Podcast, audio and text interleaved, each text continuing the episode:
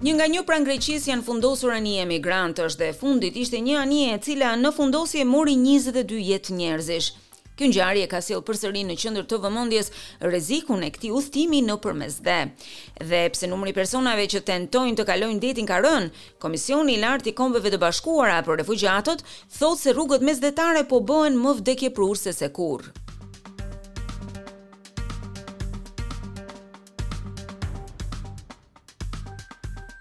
Në një ishull grek u zhvillua një operacion shpëtimi, i cili pati për qëllim të shpëtonte 100 emigrantë, pasi varka e tyre goditi shkëmbinj dhe u fundos.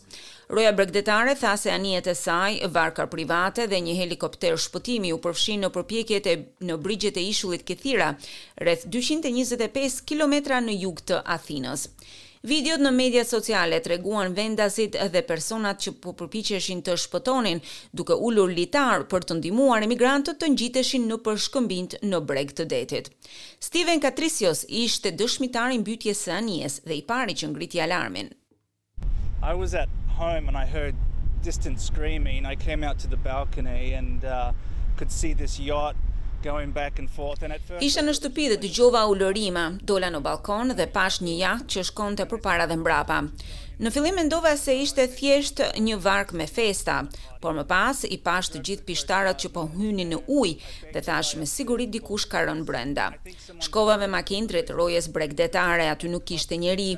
Iu luta dikujt që të thriste menjëherë policinë, megjithëse mendoj se dikush e kishte thirrur atë më parë. Më pas, unë, e dashura ime dhe fqinji im i moshuar, ishim të vetmit këtu kur u përplas anija nëpër shkëmbinj. Më pas, dëgjuam njerëzit që bërtisnin për ndihmë me orë të tëra. Vendasit arritën që të ndihmonin personat e mbijetuar duke u hedhur atyre litarë dhe duke i ndihmuar që të ngjiteshin nëpër shkëmbinj. My neighbor, you know, thinks that the rescue effort was a miracle and that might be true.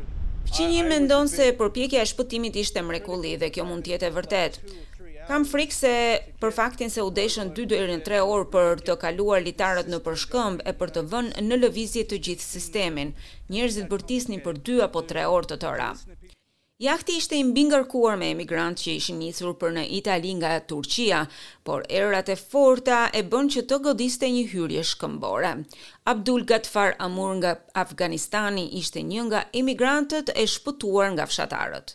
We wanted to go to Italia from Turkey. It was the third night that we was in travel. Ne donim të shkonim në Itali nga Turqia. Ishte nata e tretë në të cilën udhëtonim e sapo arritëm në këtë pikë, kapiteni humbi rrugën. Humbëm rrugën e nuk dolëm. Nuk e dinim se ku ishëm. U përplasëm me shkëmbinjtë. Pas kësaj, valët ishin shumë të larta, rreth gjashtë metra. Ato e sollën anijen pranë gurëve. Më pas u përpoqëm të shpëtonim jetën tonë, por edhe të miqve tanë. Megjithatë, Shumica e tyre kanë vdekur. Kjo është anija e dytë me emigrantë që mbytet në ishujt grekë brenda një jave. Vetëm ditë më parë, Italia përkujtoi përvjetorin e nëntë të një prej mbytjeve më vdekjeprurëse të anijeve në Mesdhe, fundosjen e vitit dy mijë e trembëdhjetë të një anije me emigrantë pranë Lampeduzës në Siçili, në të cilën humbën jetën treqind e gjashtëdhjetë e tetë persona. Zyrtarët e refugjatëve të Kombeve të Bashkuara thonë se numri i përgjithshëm i emigrantëve që kërkojnë të vijnë në Europë nga toka apo nga deti është ulur me kalimin e viteve, me një mesatare rreth njëqind e njëzet mijë në vit, të cilën ata e quajnë relativisht të menaxhueshme, krahasuar me shtatë pikë katër milionë ukrainas të cilët janë larguar nga atdheu i tyre këtë vit për t'i shpëtuar pushtimit rus. Por Shabia Mantu, një zëdhënëse e Komisionit të Lartë të Kombeve të Bashkuara për Refugjatët, thotë se rrugët e detit Mesdhe nuk janë të sigurta apo të lehta.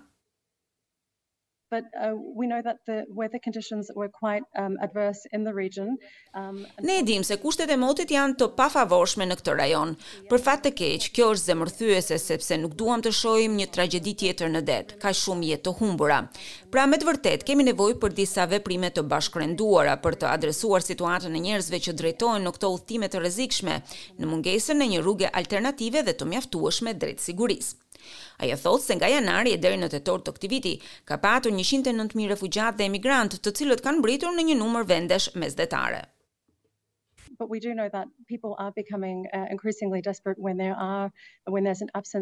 Ne e dimë se njerëzit po bëhen gjithnjë e më të dëshpëruar kur kanë mungesë të rrugëve drejt sigurisë.